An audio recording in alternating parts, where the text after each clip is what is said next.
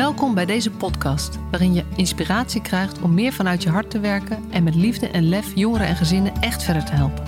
Voel je waarde, voel de passie voor je vak, voel je professional vanuit je hart.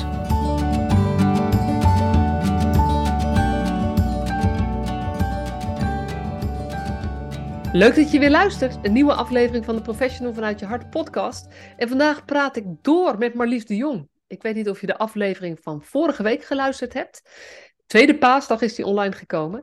Maar uh, toen ben ik met, met, ben ik met Marlies de diepte ingedoken over zorg in achterstandswijken. Uh, en ik vond het uh, buitengewoon interessant, fascinerend en de moeite waard om door te denken en te verder te verspreiden. Waarbij het gaat over krachtige basiszorg. Echt een heel belangrijk thema, omdat nou, het opgroeien of het wonen in een achterstandswijk heeft effecten die ik mij als um, hoogopgeleide witte burger in mijn eigen bubbel niet goed kan voorstellen. En uh, nou ja, Marlies die heeft daar een soort van, uh, ja, ik kan wel zeggen, bijna een soort verdieping in, uh, in gevonden door het werk wat ze de afgelopen jaren heeft gedaan in Overvecht. Um, en ja, we waren nog niet uitgepraat, dus we hebben aan het eind van de vorige podcast bedacht, we gaan er gewoon meteen nog eentje opnemen. Want een heel ander belangrijk project waar uh, Marlies afgelopen jaren uh, in gewerkt heeft, is een samenwerking vanuit jeugd, vanuit de buurteams met de volwassen GGZ. En eh, nou ja, iedereen die ons veld kent, weet dat die samenwerking niet vanzelfsprekend is en af en toe wat stroef verloopt. Dus ik wilde heel graag daar ook een aflevering over opnemen, over de pilot die jullie gedaan hebben. Dus welkom terug, Marlies. Ja, dankjewel. Leuk. Ja. Hey, hoe, hoe was het om, uh, om in die podcast te zitten? Hoe heb je dat ervaren? Nou, om erin te zitten ging een soort van natuurlijk. Maar om er dan vervolgens ook naar terug te luisteren, vond ik wel heel spannend. ja, het is gek, hè? Je zei ook, het is dan opeens zo definitief of zo. Ja, denk, heb ik het wel goed gezegd? Of uh, gaan mensen nu struikelen over wat ik vind? En dacht ik, nou ja, dat mag. Dat mag. je ja. mag ook iets heel anders vinden of ervaren hebben natuurlijk. Het is alleen maar interessant om dat uh, uit te wisselen. Dus uh, nee, ik vond het eigenlijk heel leuk. En zo leuk dat ik het nu toch wel weer aandurf voor Marcia. Ja, fijn, fijn. Eigenlijk heel tof. Want um, ja, die pilot die jij gedraaid hebt, hè? ik weet was dat ook in Overvecht? Ja, in Overvecht Zuid, waar ik zelf werk. En waar ook een uh, casuïstiekgroep uh, bestaat in de wijk. ja, dat heet de EPA, Ernstige Psychiatrische Aandoeningen. En dat is een, een casuïstiek die is ontstaan toen de gebiedsteams dat zal ik even toelichten. De GGZ ook naar de wijk is gekomen, GGZ in de wijk. Uh, en dat gebiedsteam bestaat uit Altrecht, die de behandeling uh, doet op GGZ-gebied, en uh, Lister, die doen veel herstel, ja, herstelzorg eigenlijk. en die zijn een samenwerking aangegaan, omdat dat, dat sowieso heel goed bij elkaar hoort natuurlijk. En zij zijn samen in de wijk gaan zitten, dicht bij de huisarts de, en de basiszorg, POH en de buurteams. En vanuit daar is er ook uh, een uh, maandelijkse casuïstiek in de, in de wijk opgezet. En dat heeft allemaal veel uh, voeding gekregen door de krachtige basiszorg. Hè. Dan zijn er tijd en mogelijkheden eh, en een duidelijke visie waarop we willen samenwerken. Dus ja, die ingrediënten brachten dat dat een hele vruchtbare bodem werd om samen te gaan werken. Ja, even misschien voor mensen die de podcast van vorige week niet gehoord hebben. Krachtige basiszorg in, in een paar zinnen? Dat is een integrale aanpak tussen sociaal en medisch domein in de eerste lijn, maar die waait natuurlijk ook uit naar de tweede lijn en ook naar de, uh, informele, hè, de, de basis, uh, sociale basis, zeg maar. Dus het welzijn en, en alles eromheen. Zodat, zodat mensen veel integraler gaan uh, samenwerken op vier domeinen. Ja, en de vier domeinen, want die zijn, zijn belangrijk. Ja, het lichamelijke gedeelte, dus wat, waar je voor vaak naar de huisarts gaat, het uh, geestelijk gedeelte, waar je vaak voor bij de POH of een andere ondersteuner komt. Het maatschappelijk gebied, dus uh, dan gaat het over uh, je positie in de maatschappij, werk, inkomen, sociale status. even kijken, onderwijs natuurlijk over kinderen. En de, dan heb je nog de sociale, het sociale domein, en dat gaat echt over wie er dicht bij jezelf staan, je gezin, familie, netwerk hulpverleners, leraren, iedereen die iets toevoegt aan jouw sociale context. Ja, ja. mooi. Ja, dan merk je maar dat je, je bent trainer natuurlijk, hè? dus dan heb je, je kan het ook gewoon zo oplepelen van die krachtige ja, basiszorg. Ja? ja, dat is zo, ja.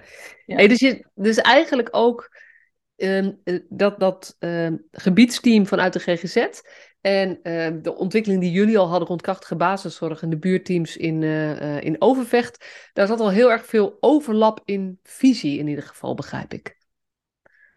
daar, er waren al gewoon, zeg maar, samenwerkingsstructuren in de wijk. En inderdaad ook taal en visie dat je het niet alleen kunt oplossen. En dat je altijd de ander nodig hebt om het complete plaatje te maken. Dus ja, dat was er aanwezig en was met name bij de buurteams volwassen zorg. Dus we hebben hier we hebben ook twee uh, takken, zeg maar. Eentje die zich meer richt op de volwassenen en de andere op jeugd en gezin. En met de volwassenzorg was het eigenlijk al best wel ver gevorderd. Dat is ook wel logisch, want er zijn de hele ernstige psychiatrie in de, in de wijk. zijn ook vaak mensen die alleen zijn. zijn hè, echt helemaal, ja, toch in een eentje terechtgekomen zijn, zeg maar. Ja. Um, maar jeugd en gezin, uh, zat, zat, daar zat ik dus bij namens jeugd en gezin.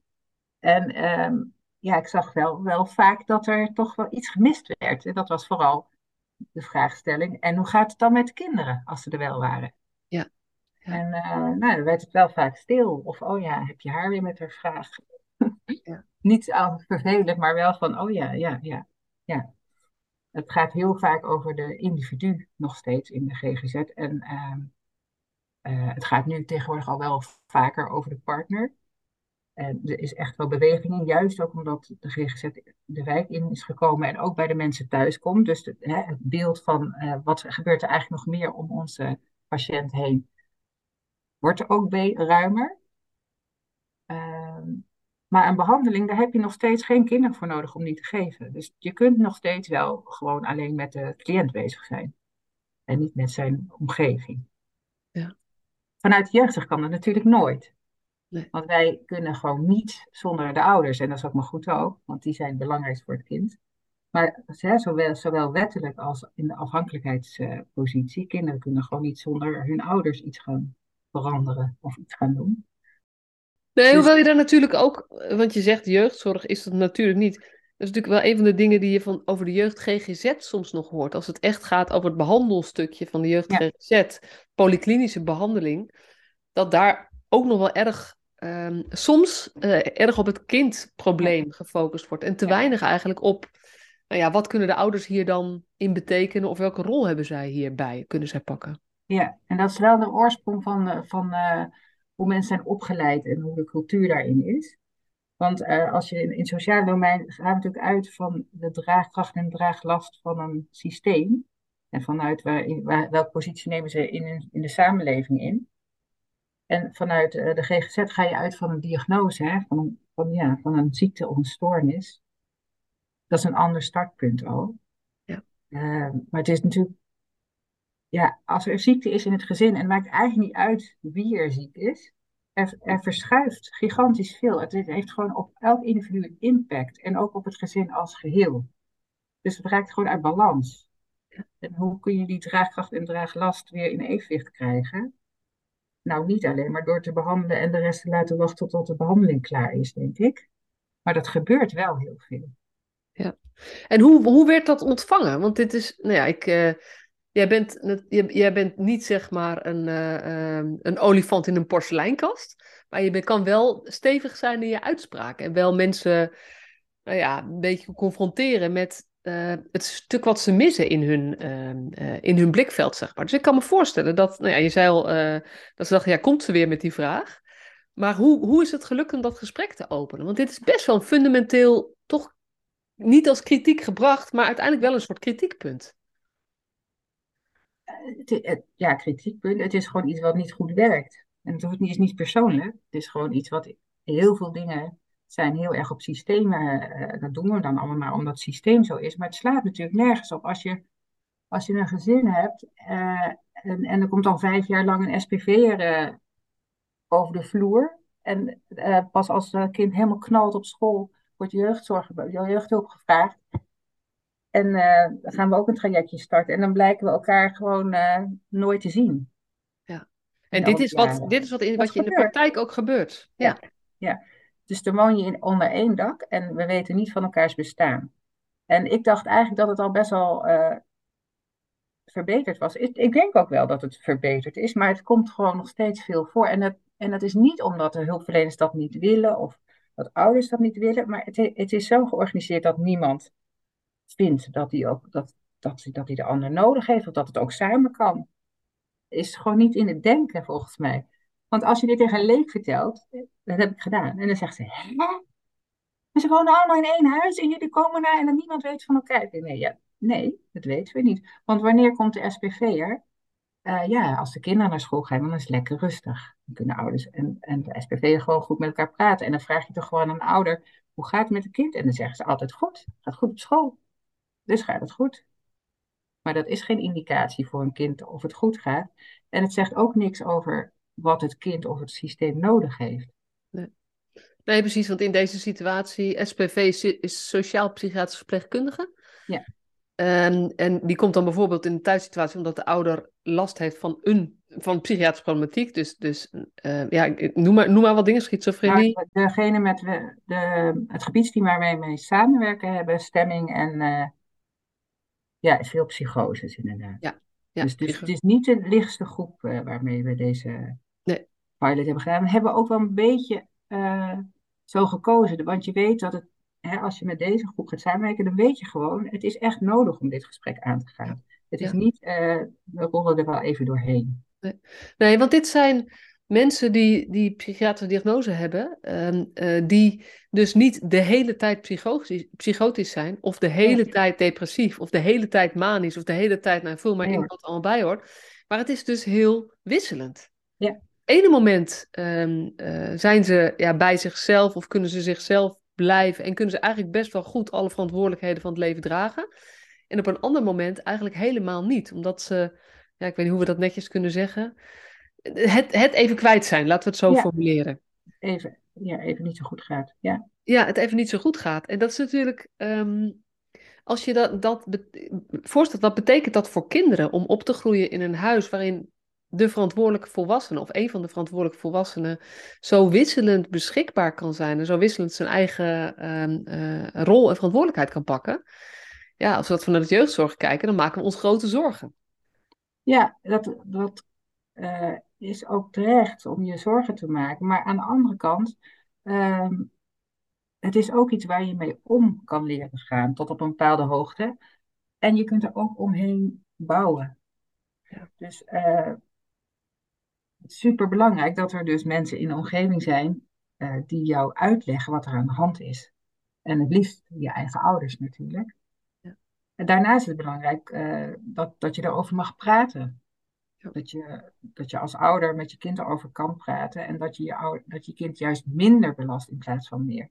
Want als je er niet over praat, dan is het voor een kind uh, ja, niet te duiden. En ook ehm, ze kunnen het op zichzelf gaan betrekken ben niet lief genoeg. Mijn moeder is altijd boos, ik ben niet lief genoeg. Of mijn vader komt nooit naar voetbal omdat hij me gewoon niet uh, goed genoeg vindt. Ze kunnen er allerlei dingen van maken. En ze maken het ook meestal erger dan de werkelijkheid. Kinderen zijn ook gewoon, hebben veel fantasie. Maar omdat ze ook in die loyaliteit zitten, gaat, slaat het altijd naar binnen. Dus zij hebben iets verkeerd gedaan. Hun vader en moeder kunnen niet echt iets verkeerd doen. Ja, ja. ja. Dat, is, dat is natuurlijk bij hele kleine kinderen. Is dat, uh, uh, het is gemakkelijker om jezelf fout te vinden dan je ouders fout te vinden. En als je dat eenmaal als patroon in jezelf hebt ontwikkeld, dan is dat wat je meeneemt in het leven. Ja. Deze kinderen zijn over het algemeen heel, heel fijn gevoelig, juist omdat er steeds dingen veranderen. Dus ze hebben altijd hun, ik zeg altijd, ze hebben hun voelsprieten nog extra naar buiten gericht. En ze voelen altijd perfect aan hoe alles in hun omgeving is. Maar daarmee leren ze wel minder goed naar zichzelf te luisteren, want daar hebben ze helemaal geen ruimte voor. Dus deze kinderen hebben later vaker moeite met grenzen aangeven, voor zichzelf te kiezen. Uh, ja, zijn altijd bezig met wat zal er gebeuren als ik dit of als ik dat. Dus ze kiezen gewoon veel minder goed voor zichzelf en ze zullen eerder te veel, te veel hooi op hun vork nemen dan anderen. En dan heb je het nog over uh, binnen het gezonde, maar er zijn uh, echt veel kinderen lopen twee tot vier keer meer risico om zelf psychische problemen te ontwikkelen. Ja. En dan is er op dat moment, dus als de ouder in behandeling is en uh, nog helemaal niks aan de hand. Je kunt niet alles al zien. Dat maakt het ook zo moeilijk om, om duidelijk te maken hoe belangrijk het is om hier preventief mee om te gaan.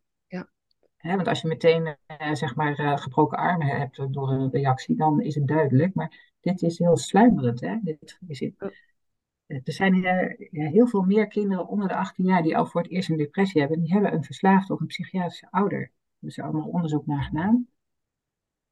dus het, het, maakt je echt kwetsbaarder. Het is echt een kwetsbare groep. Ja. En aan de andere kant vind ik het een zoveel voorkomend iets. Hè? Wel, wie, welke ouder heeft nou niet een periode gehad dat het of niet goed met hem ging. En het kan ook lichamelijk zijn. Hè? Je kunt ook een ouder hebben die kanker heeft. Die heeft ook de puff niet om uh, heel emotioneel beschikbaar te zijn. Of die vindt het ook heel moeilijk om met zijn kind te praten, om te vertellen dat je ziek bent. Dat, ja, voor mij maakt het niet zoveel uit, maar in de maatschappij maakt het nog wel heel veel uit. Kanker wordt iets meer geaccepteerd als uh, dat je er niks aan kan doen dan uh, bij een psychische aandoening. Ja. ja, en de omgeving snapt het beter. Ja. Dat is denk ik ook wel een groot verschil. Dat, dat, dat bij, bij uh, psychische klachten het moeilijker te herkennen is voor de omgeving wat het betekent. En ook moeilijker, zeker als er periodes zijn dat het goed gaat en periodes dat het niet goed gaat. Uh, en mensen toch op het moment dat het niet goed gaat, meer geneigd zijn zich in zichzelf of in hun eigen huis terug te trekken. Ja. Zijn er, uh, de, de buitenwereld maakt vaak niet zoveel mee van wat het betekent dat het niet goed met iemand gaat. Omdat die dan gewoon minder zichtbaar is. En de kinderen juist wel. Want dan zijn dan juist meer nodig om te zorgen dat het leven blijft doorlopen. Ja, en tegelijkertijd blijven zij ook zo onzichtbaar daarin. Want ze, ze nemen heel veel taken uh, waar thuis. Ja. Hè, nemen veel sneller dingen over. Of uh, zijn zelfs emotionele steun voor de ouder of voor de andere ouder. Of voor hun broertje of zusjes. Ja. Dus het, uh, ja, het zijn echt jonge mantelzorgers. En die zijn ook vaak heel eenzaam, want er komt niet iemand bij jou thuis spelen. Nee. Want dat kan niet, omdat je moeder of dat er niet tegen kan, of je schaamt je, of allebei. Maar ja. ja. En dan is het aan de ouder om die taboes ook te doorbreken. Dat, dat vraagt veel. Ja. Ga jij maar vragen aan uh, anderen, ja, ik ben, uh, ik ben nu echt helemaal niet goede doen, uh, mag hij bij jou spelen en mag eigenlijk nooit hier. Dat is best wel lastig. Ga je dat doen? Ja, ja. Ja, en dat is... Um uh, ook dat je zei van, dan kan er een SPV'er daar thuiskomen vanuit zo'n, eh, vanuit de, de, GGZ, zeg maar. En dan helemaal als ze al gebiedsgericht werken, dan is dat thuiskomen is nog gebruikelijker. Maar uh, heel vaak komt hij nog gewoon onder schooltijd het hebben over hoe gaat het nu met jou, uh, mevrouw of meneer, uh, moeder of vader. Terwijl ehm, op dat moment nog weinig gesproken wordt of gekeken wordt. En, en hoe zorg jij voor je kinderen? Hoe doe je dat met je kinderen samen? Hoe doen jullie dit samen als gezin? Ja, ja want eh, wat ik in die pilot, er zijn eigenlijk twee uh, hoofddoelen geweest. Um, en dat was, we zijn eigenlijk eerst heel breed begonnen, ook met de huisarts en ook met de POH en ook met Lister, dat is de herstel uh, GGZ. En, en Altrecht en uh, Buurteam Jeugd en Gezin, om te kijken van, uh, ja, hoe, hoe, hoe kunnen we hier nou met z'n allen aandacht op? Hè? Hoe kunnen we ervoor zorgen dat we die kinderen niet meer missen? Want ze komen overal, ook op scholen. Het scholen zou ik liefst ook helemaal bij betrekken. Maar ja, je moet bij pilot uh, een gebiedje pakken. Um, maar hoe kunnen we nou zorgen dat, dat dat onderwerp wordt aangesneden? En toen hebben we ook een training gedaan. Hebben het uh, bij Trimbos uh, gevraagd of ze ons konden trainen, maar ook integraal. Dus, dus niet alleen de één doel, één specifieke discipline, maar gewoon echt integraal. Omdat ik vind dat je in de wijk samen, signaleren doe je samen. Wat was eigenlijk mijn tweede doel? En het eerste doel is kinderen, ouderrol en opvoeding worden onderdeel van de behandeling. Van de psychiatrische behandeling van de ouder. Ja, want wij houden kinderen wel tegen. Dus ik wil dat de vindplaats bij de GGZ is. Jij wil eigenlijk, als ik dat en dat zei natuurlijk net al, dat voordat het kind gaat opvallen vanwege kindproblematiek of eigen problemen, uh, eigenlijk kan je al voorspellen, is de kans groot dat, dat dat op een gegeven moment gaat gebeuren. En je denkt, ja, als we dat toch weten, laten we dan alsjeblieft zorgen dat we eerder deze kinderen en deze ouders gaan helpen om hier vorm aan te geven, zodat we minder kinderen in die kindproblematiek gaan herkennen. En, en ouders in hun ouderrol kunnen houden. Ja. Want op het moment dat ze in behandeling gaan, dat is echt iets heel typisch. Maar op het moment dat mensen dan, in, dan uh, gaan ze daar in gesprek. En dan word je aangesproken op wat er met je aan de hand is, wat je probleem is, hoe je behandeld wordt. En dan hoop ik dat er ook nog wel, dat gebeurt nog wel, de partnerrelatie wordt nog wel tegenwoordig betrokken. Maar het, het zijn van ouder wat je in eerste plaats bent. Volgens mij ben je niet je ziekte, maar ben je in eerste plaats ben je ouder en je bent de werknemer en je bent de partner van. Maar je bent niet uh, je, je, je, je stoornis of zo. Dat, dat, heb, dat heb je nou eenmaal, maar dat, hè, dan heb je metadine in een rugzak die je draagt. Maar... Dus hoe zorgen we ervoor dat onmiddellijk bij, aan de start van de behandeling, zodat ook de GGZ zo gaat denken, zodat we allemaal op hetzelfde moment gaan denken, hier is een gezin, en het gezin heeft een zware rugzak op, en uh, die, we gaan een behandeling starten. En hoe gaan we zorgen dat, er, dat ze allemaal goed die behandeling doorkomen, eigenlijk? Ja. Want het vraagt van iedereen heel veel. En betekent dat dan ook dat uh, voor jou dat, dat de. Um, want als je het hebt over de behandeling, dan is het nog vaak. Dat is het nog gewoon een individuele behandeling ja. van stemmingsklachten. Zij, vind jij ook dat eigenlijk het altijd een gezinsbehandeling zou moeten zijn? Of dat vanuit die individuele behandeling er veel meer zicht zou, zeg maar, veel meer relatie zou moeten zijn met wat betekent dit voor dit gezin? Ik wil dit hele verhaal wat wij doen helemaal niet behandeling noemen. En ik wil het eigenlijk ook niet eens hulpverlening noemen. Het is gewoon, je hebt een probleem. Als je naar het ziekenhuis gaat, heb je ook wel eens een probleem. En het heeft invloed op jouw andere rollen, die volgens mij op nummer 1 staan. Dus um, oké, we gaan een behandeling doen. Wat, wat doet het voor jou als ouder? Hoe wil jij als ouder uh, uh, hier taal aangeven naar je kinderen? Heb je genoeg steun? Kun je na de behandeling even uitrusten? Is er iemand voor jouw kinderen? Kunnen jouw kinderen leuke dingen doen? Hoe is het voor je partner? Is het evenwicht hier nog goed? Wat, uh, wat gun je je kinderen? Als je niet zou ziek zijn, hoe zou het er dan uitzien? Wat zijn eigenlijk hele goede dingen bij jullie? Wat, hè, wat lukt er allemaal wel? Gewoon dat het gewone leven doorgaat. En dat een, een stukje van jouw leven is inderdaad dat je een behandeling hebt. En een stukje van jouw leven is, is niet gezond, maar daar ben je mee aan het werk. Maar het andere stuk wel. Je, als ouder, je kunt nog steeds als ouder aangesproken worden. Altijd, denk ik. Ja, ja ik, ik, ik deel heel erg wat met je. En ik denk ook dat als we dat... Dat het ook um, een manier van aanspreken is die het gezonde stuk van de mens um, versterkt. Nou, het is denk ik ook je motivatie om die behandeling te gaan doen. Ja, ja. Eerst ouder zijn die er goed, goed kan zijn voor zijn kinderen. Ja. En als, als je als ouder wordt ondersteund, heb je ook meer ruimte om die behandeling aan te gaan. Dus het heeft op alles een effect. Dan zal het ja. gezin het ook beter kunnen dragen. Ja, maar dan even terug naar de vraag: hoe, hoe, ging, hoe lukte het om dit gesprek te voeren met die mensen die opgeleid zijn vanuit de nou ja, diagnose denken en, en behandeldenken om een probleem op te lossen? Um, ja, dat is best, zeg maar, het zijn een soort van verschillend paradigma. Ja, nee, maar in die casuïstiekgroep van, uh, van uh, uh, ja, GGZ in de wijk, zeg maar, daar zitten allemaal redelijke frisdenkers, denk ik. En die waren wel gevoelig voor mijn argumenten. En ook zeker in, bij Lister is er heel veel herstel gedacht hoor, en ook heel veel positieve gezondheid. Maar ook bij de huisarts die dat begeleidt, die ziet dat ook wel.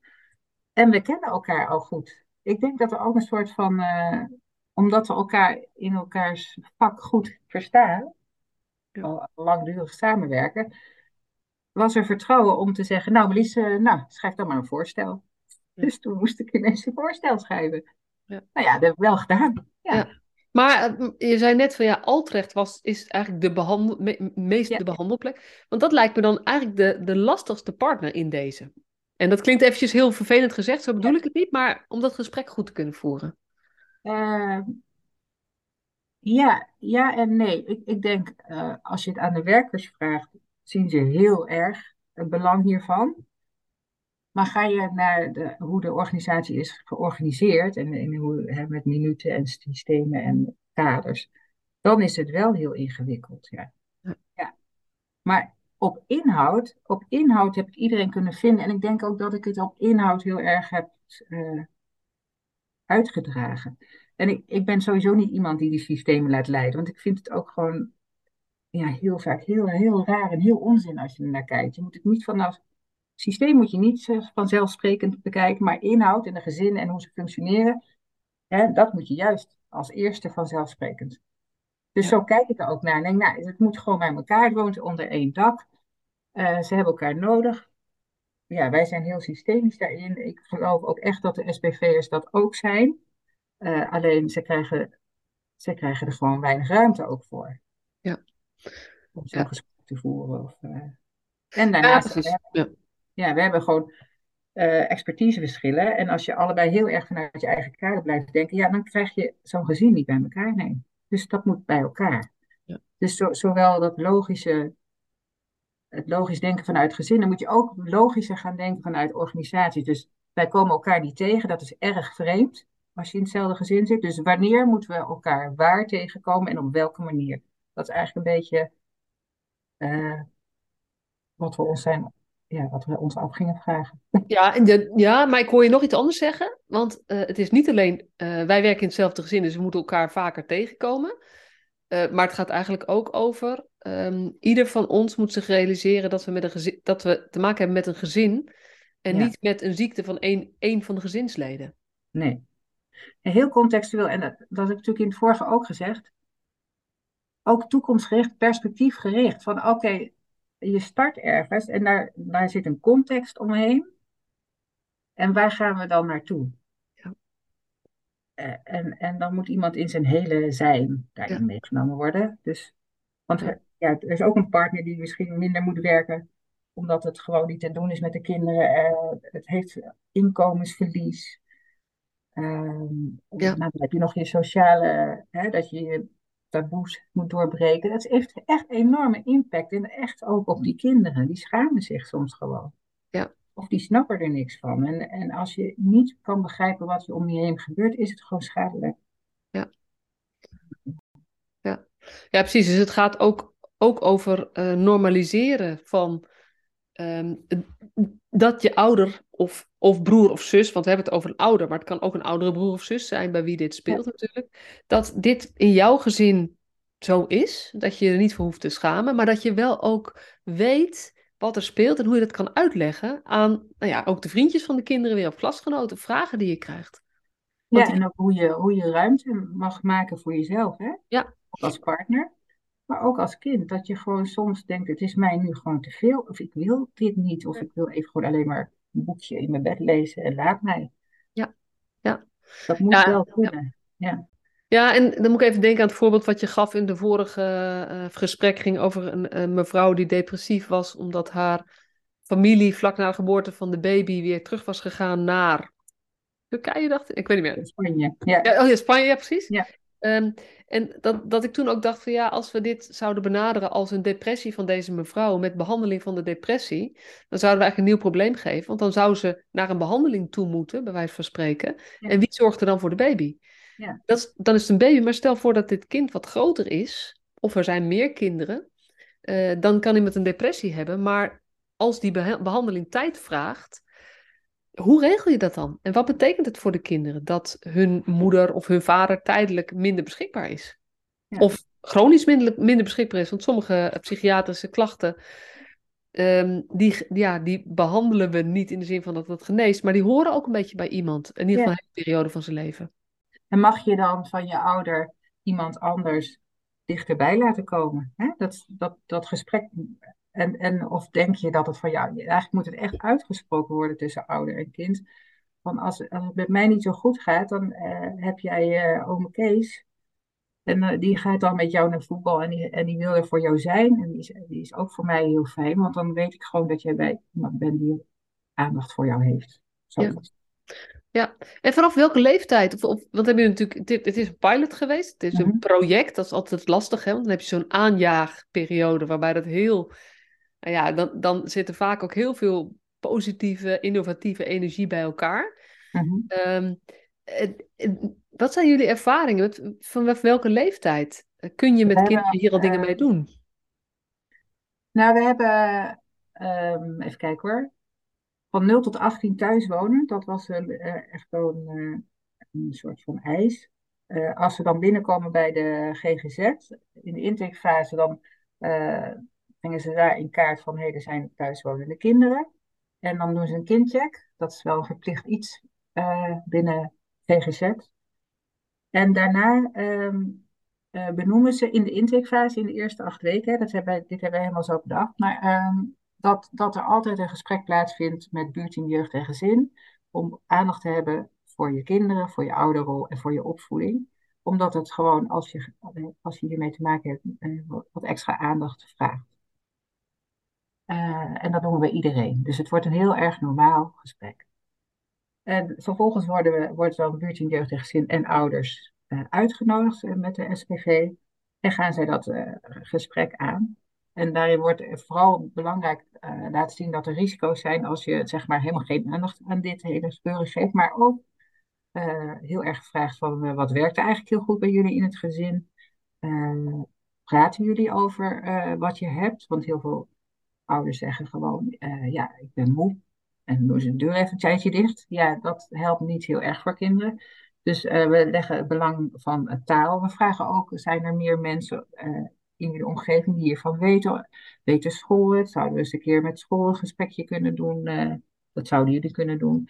Willen jullie hier met je kinderen over praten? En lukt het je? Nou, vaak willen ze heel graag handvatten, wat je dan wel niet kan zeggen. En sommigen vinden het fijn als je erbij zit. Dan doen we het vervolggesprek met de kinderen erbij. Ja, ja. En met de hulpverlening. Maar ze doen het ook vaak gewoon zelf. En, en enorme opluchting vaak. Dat het gewoon een soort van mag bestaan. Het staat niet meer ergens zo onzichtbaar en iedereen voelt het. Het mag er gewoon zijn. En iedereen mag er ook op zijn manier last van hebben. En iedereen mag er ook op zijn eigen manier mee omgaan. En als je dat van elkaar weet, komt er echt veel ruimte. Maar dat vraagt dus ook, uh, het vraagt ook ergens van de ouder al een zelfacceptatie van het hebben van een psychisch probleem. Wat natuurlijk voor sommige mensen een hele grote drempel of stappel is. En het vraagt um, soort van, van acceptatie dat dit niet iets is wat zeg maar over zes weken over is.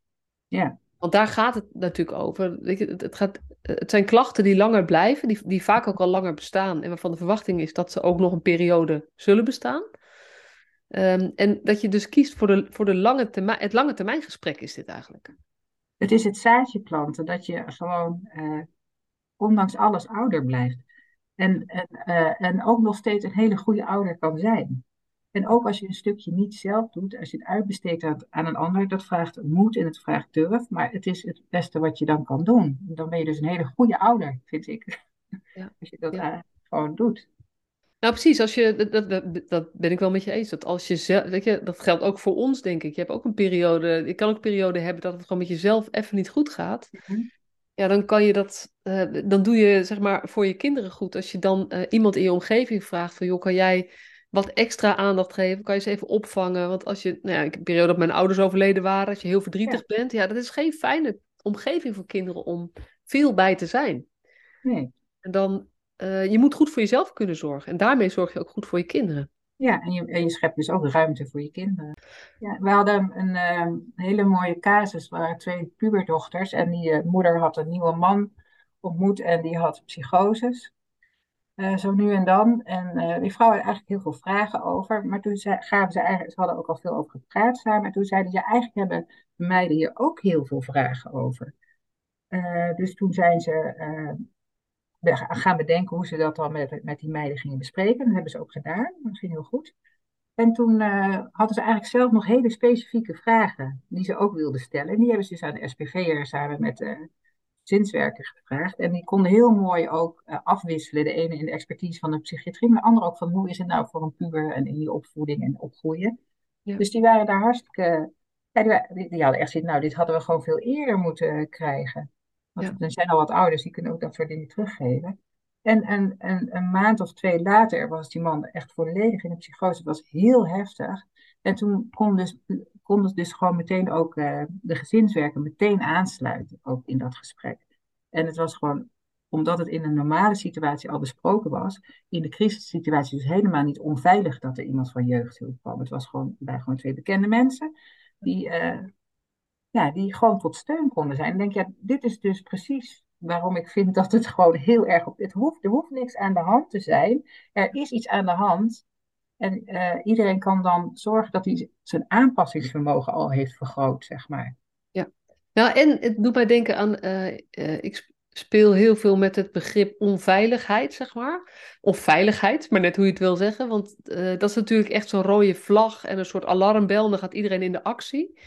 Um, maar, maar wat je nu beschrijft is dat doordat je het gewoon bespreekbaar maakt, uh, vergroot je eigenlijk de, uh, de range van wat veilig is. Want Ja, het en op een niet rustig moment op dus. een Want rustig moment, ja. niet al Ja, als alles al, want dan voel je je al falen. Maar je hoeft je, je, je, ja, je faalt veel minder als je gewoon zelf goed eh, alles hebt ingebed, zeg maar. Ook, eh, ook je vangnet en je, eh, je begrip erover wat is er aan de hand in deze situatie. Ook we wisten dat dit zou kunnen gebeuren, want dat heeft iemand mij al verteld. Dus het ligt niet aan mij.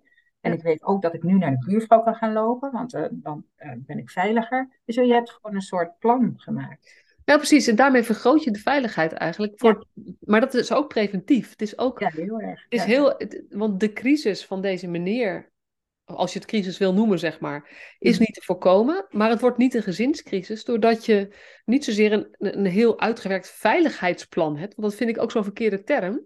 Maar wel een, eh, een soort van, we zijn voorbereid op een ja, scenario wat waarschijnlijk gaat gebeuren. En dan gaan we dan dus en zo aanpakken met elkaar. Ja, ja. En dan is het nog steeds een hele heftige, een hele heftige situatie hoor. Maar ja, ik denk dat je gewoon veel meer veerkracht daardoor hebt. Dat je gewoon heel goed eh, weet waar je steunpunten zijn en weet eh, hoe iets verloopt.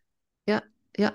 ja, kennis helpt sowieso. Dus, en dit zijn puberdochters, die kan je dat uitleggen. Maar ook een vijfjarige kun je natuurlijk op zijn of haar, in zijn of haar begripskader en, en eh, taalbegrip, ja. kan je ook uitleggen wat het betekent als nou ja, je vader of je moeder of je broer een psychose krijgt.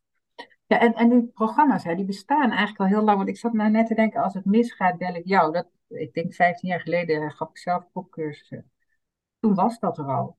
Ja, Maar het, eh, het blijft dus steeds. eh, er zijn trouwens heel veel goede interventies, maar het is niet verweven in de periferie van de, van de, van de zorg. ja, Hè, bij de huisarts, POH, bij gebiedsteam. Bij, het moet gewoon ergens ge- ingebed worden. En dat heb ik met deze pilot gedaan. Dus dat, dat we gewoon. We gaan het nu in de vaste tru- werkstructuur zetten. Dus altijd in jullie intakefase komen wij langs. ja, En dan, dan, dan moet je samenwerken en dan gebeuren dus hele mooie dingen.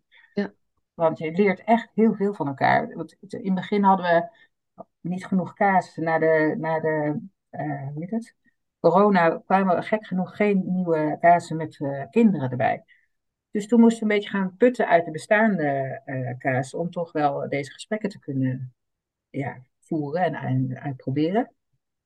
En eh, nou, toen zei de GGZ, nee hoor, die zijn allemaal niet geschikt. En dacht ik, hoezo niet? Het is toch gewoon preventief. Je kunt- dit gesprek kun je altijd voeren, behalve als iemand psychotisch is of geen gezag meer heeft, dan wordt het wat ingewikkelder. Maar, en eh, toen hebben we bedacht dat we, dat we dan samen met de gezinswerker en de, en de SPV gingen elke, alle casen, de hele caseload van de politie is doorgenomen. En nou, er kwamen gigantisch veel casen uit die best wel geschikt waren. Eh, en eh, toen zijn er heel, heel veel gesprekken gevoerd. En toen kwamen ze ook achter dat als je dus allebei vanuit je eigen expertise kijkt, tot andere conclusies komt. En dat er heel veel, eh, ja, je leert heel veel van elkaar. Van, oh ja, inderdaad. Of ook over allerlei jeugdhulpverlenings- eh, en wetgeving daaromheen, maar ook bij de GGZ.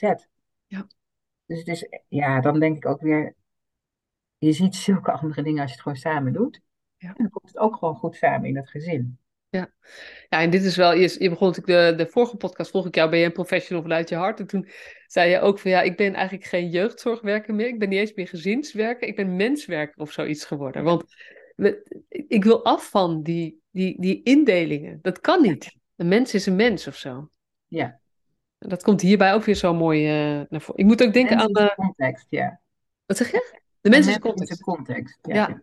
Ja, ik weet niet of je het toevallig gehoord hebt, maar ik moet denken aan twee podcasts die ik eerder opgenomen heb. Eentje is met Elise Lam. Dat was, eh, eh, ik heb hem even te snel opgezocht, 156. En die heeft een boek geschreven en dat heet Risicokind of evenwichtskunstenaar. En Oh, dat gaat over kinderen, en dan met een vraagteken erachter.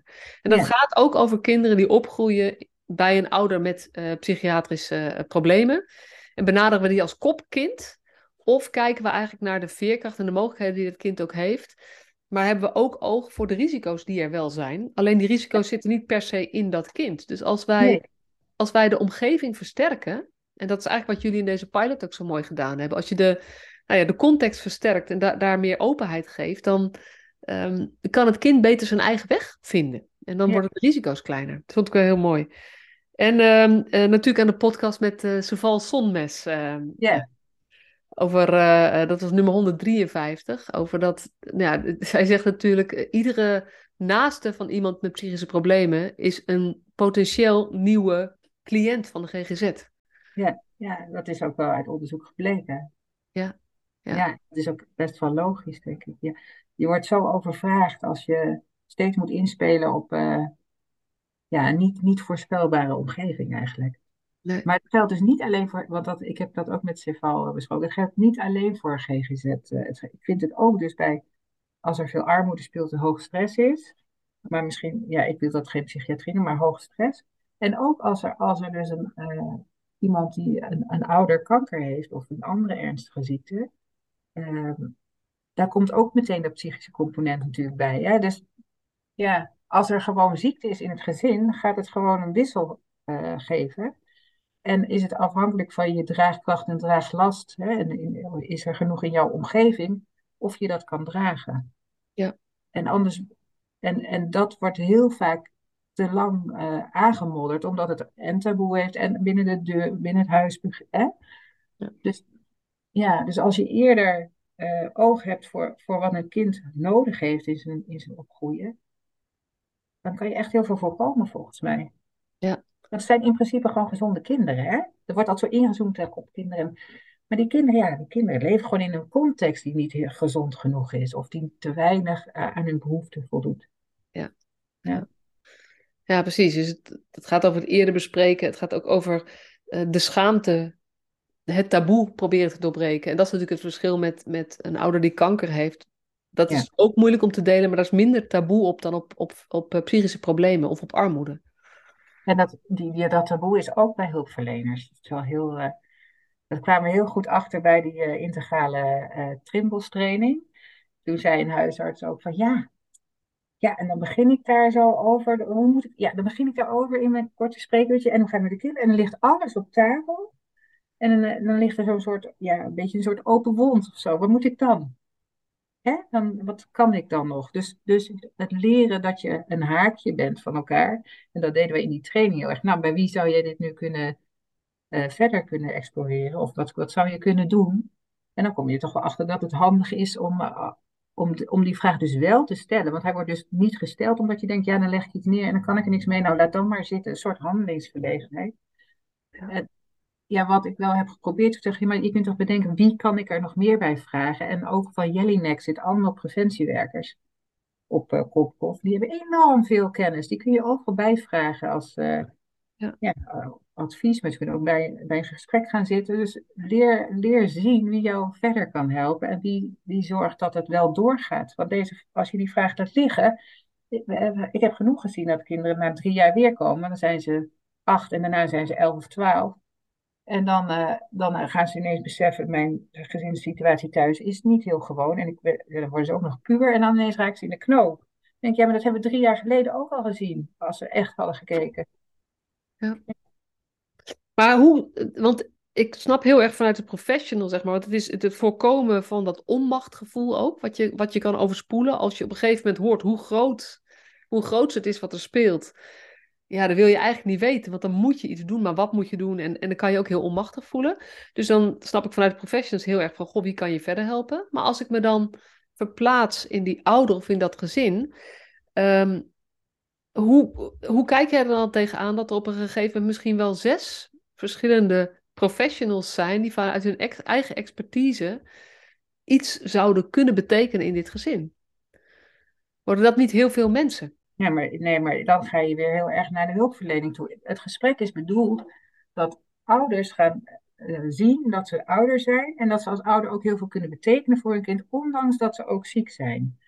Dus, dus je gaat heel erg kijken van wat kan je in je eigen gezin doen, wat kan je net dat randje eromheen doen. Uh, weten ze op school eigenlijk wel dat jouw moeder af en toe ziek is? Eh, zou je graag willen dat de juf het zou weten? Wat zou het, wat zou het voor jou betekenen als de juf het weet? Wat zou het voor jou betekenen als de klas het weet? Nee, ik vind dat eng, nou dat niet, dan, ga je dat niet doen. Maar, en ze hoeven niks te doen, hè, nog. Ze kunnen erover nadenken. Dat, dat je niet dit alleen hoeft te dragen. Niet als kind, niet als ouder, niet als gezin, maar gewoon dat, je, dat het net iets ruimer kan zijn. En, en hulpverleners eromheen, ik denk dat je veilige mensen moet toevoegen. Ja. Ja.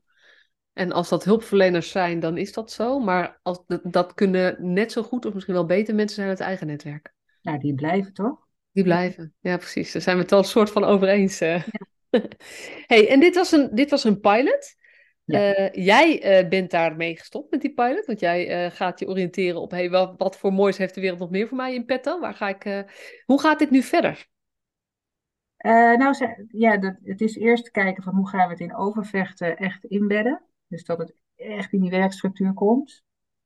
Ehm, en dan eh, is het wel de bedoeling dat het in meerdere wijken gaat, eh, draaien. Alleen het is niet zo makkelijk eh, één op één te implementeren op een andere plek. Dus je moet wel zorgen dat er toch een soort samenwerkingsstructuren zijn of echt eerst worden gelegd tussen GGZ en, nou, ik vind de huisarts ook echt belangrijk, want die ziet al die ouders. Die kunnen gewoon zeggen, en hoe gaat het met je kinderen? Ja. Eh, en POH ook. Ehm, dus, dus er moet wel een soort van basisstructuur eh, zijn om dit te, de, de in te kunnen fietsen. zou ik maar zeggen. En de- ja, dat, je hebt natuurlijk ook nog te maken met financieringen en zo. Er is nu ook een zon-MW eh, uitgeschreven voor, eh, voor dit soort samenwerkingen. Ja. Ehm, Want waar zitten de extra kosten met name in? nou, ehm, je moet getraind worden, maar het is niet een zware kostenpot, zoals het is 2,5 dag of zo.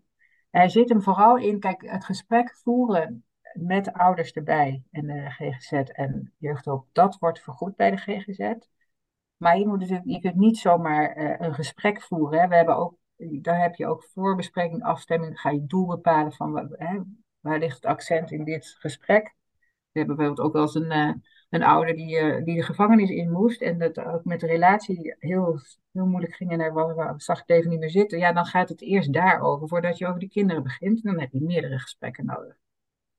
Ehm, maar zolang er dus een cliënt bij zit, wordt het vergoed bij de GGZ. Als je het zegt voor- en nabespreken, wordt het al ingewikkelder. Ja, dus daar zitten dan eh, financieringskeuzes, noem ik het Ja. maar. Ehm, en eh, wat wil ik er nog meer over zeggen? Ja, je, hebt ook nodig dat je eh, soms een soort van intervisie met elkaar hebt. Hè? Want je komt zo uit andere werelden vliegen dat je, je moet wel vertrouwen krijgen in elkaar. Wij hebben ook intervisie tijdens de pilot gedaan om echt eh, in een sneltrein vertrouwen te krijgen, elkaar te leren begrijpen en vooroordelen weg te nemen. Want die waren er echt wel. Maar die zijn heel erg weggenomen. En je ziet ook op het moment dat je gaat samenwerken en elkaar vaker ziet, ga je dus ook vaker aan elkaar denken. En word je dus ook buiten de pilot vaker gevraagd voor dezelfde thematiek. Dus dat is wel. Maar dit Ja. is ook preventief. Dit is eigenlijk, je moet investeren om later, eh, want, want geld is natuurlijk een heel erg belangrijk issue en alles, eh, nou ja, we hebben een tekort aan eh, besteedbaar geld en alle sectoren willen er geld bij, dus dat is gewoon een heel ingewikkeld iets. Maar dit soort, dit soort projecten of dit soort samenwerkingsdingen vragen investering voordat je gaat zien wat het op- opbrengt of oplevert.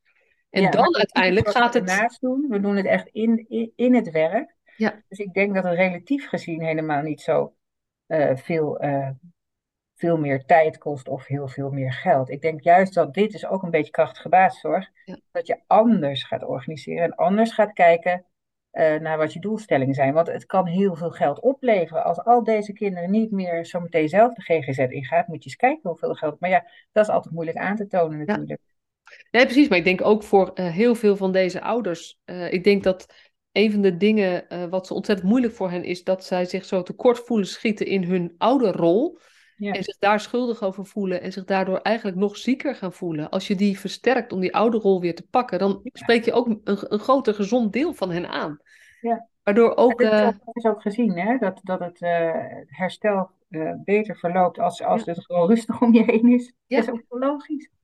Ja, ja, Dus als ja, je kinderen en je partner het gewoon kunnen dragen en het rustig verloopt, kun je ook meer Ja. eh, stoppen in je eigen behandeling en er ook meer van profiteren. Ja. Vooral de kinderen profiteren, want die hebben gewoon ja, ook wel wat rustiger eh Ja. komst. Ja, dus, dus misschien is het verkeerd gezegd van je moet, je moet investeren voordat je ziet wat het oplevert. Maar het is eigenlijk, je gaat niet, je zei al, we gaan niet, niet het probleem behandelen, maar we gaan eigenlijk werken, we gaan met z'n allen erop op richten dat de omstandigheden die er zijn voor al deze mensen binnen dit systeempje Mhm. beter worden. Waardoor ze zich allemaal uh, onafhankelijk van elkaar en samen uh, beter kunnen ontwikkelen. Ja, dat, dat is het doel. En, en, en, met een paar gesprekken ben je, doel, dan, dan heb je de aanzet gedaan. En, uh, maar dan is er wel gewoon bodem om daarop verder te gaan. En er zijn mensen die daar dan veel, ook echt zelf heel veel mee verder gaan. En er zijn ook mensen die het gewoon laten. En dan herhaal je het eens na drie maanden en dan zeg je, uh, weet je nog waar we het over hebben gehad? Hoe gaat het nu? Vind je, vind je dat het nog steeds goed gaat? Ja. Wil je graag dingen anders zien? Uh, kunnen we ergens in meedenken? Ja.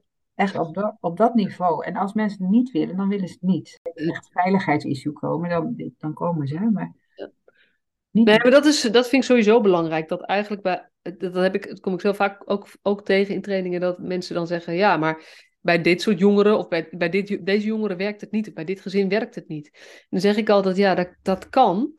Weet je, um, je weet in ieder geval, als je het niet probeert, heb je nul resultaat.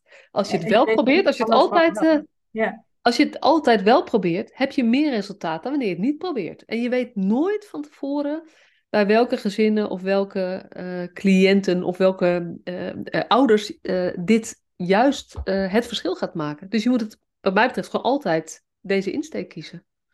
Ja, ja wij, ik heb het de hele tijd in de pilot, we planten een zaadje genoemd. Ja. We planten het zaadje en het groeit wanneer het kan groeien. Uh, wanneer de omstandigheden daar meer zijn. En uh, dan kunnen mensen daar zelf mee verder. Ik, ik geloof echt niet in dat alles met een hulpverlener moet. Het is wel goed om het. Het moet gewoon een plek krijgen. Dat is het meer. Ja, ja, ja. een plek krijgen. En ehm, nou ja, daar heb je gewoon eigenlijk hulpverleners in die krachtige basis, eigenlijk alle hulpverleners die met gezinnen te maken hebben, zouden hun besef hiervan een klein beetje moeten vergroten. Alle kanten op. En dan zijn we al een heel eind op weg. Ja.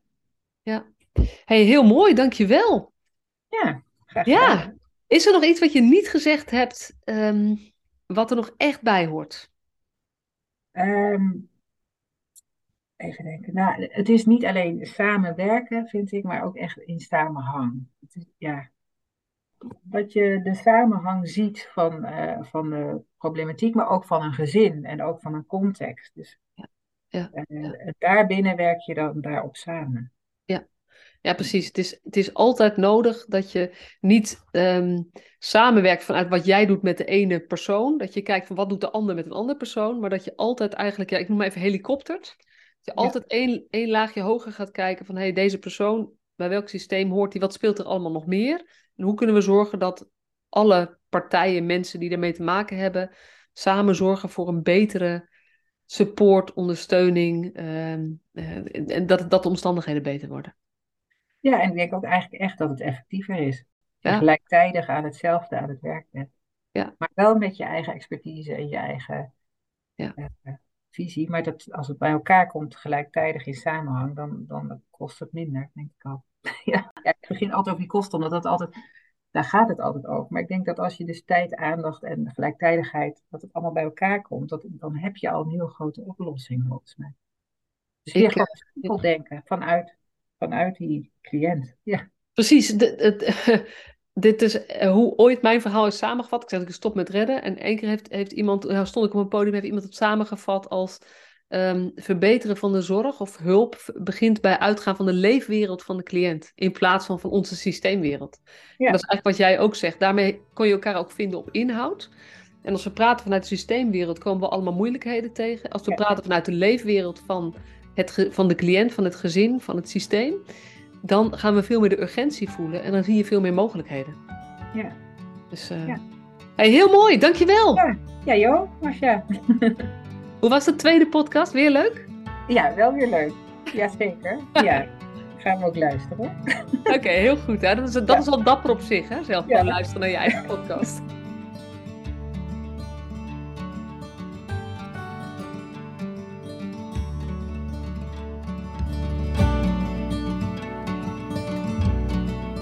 Superleuk dat je weer luisterde naar deze podcast. Dankjewel. Nog even kort een paar belangrijke dingen. Ten eerste, het is mijn missie dat de jeugdhulp weer een sector wordt waarin bevlogen, liefdevolle professionals jongeren en gezinnen echt verder helpen. Daarom maak ik deze podcast voor jou. Wil jij deel uitmaken van deze beweging van Professional vanuit je hart, waarin professionals elkaar steeds opnieuw inspireren? Begin dan met het lezen van mijn boek. Je kunt de eerste hoofdstukken helemaal gratis lezen. Ga naar professionalvanuitjehart.nl slash boek. Ten tweede, wil je alle podcastafleveringen overzichtelijk onder elkaar? Abonneer je dan op deze podcast. Klik in je podcast-app op de button subscribe of abonneren. En elke keer als er een nieuwe podcastaflevering gepubliceerd wordt, ontvang je automatisch een berichtje. Ten derde, ondersteun je mijn missie? Geef me dan een review via je podcast-app, bijvoorbeeld iTunes of Spotify. Op die manier kan ik nog meer professionals bereiken. En ken je een collega voor wie deze podcast ook interessant is? Dan zou het super zijn als je hem of haar de podcastaflevering doorstuurt. Bijvoorbeeld door de link te kopiëren via Spotify. Ik vind het altijd heel leuk om berichtjes te ontvangen van luisteraars om te horen wat je van een podcast vindt, of als je misschien vragen of suggesties hebt. Of als een aflevering je een bepaald inzicht heeft gegeven of er iets in beweging is gekomen. Stuur me dan even een berichtje op masha.professionalvanuitjehart.nl via de website of stuur me een connectieverzoek op LinkedIn.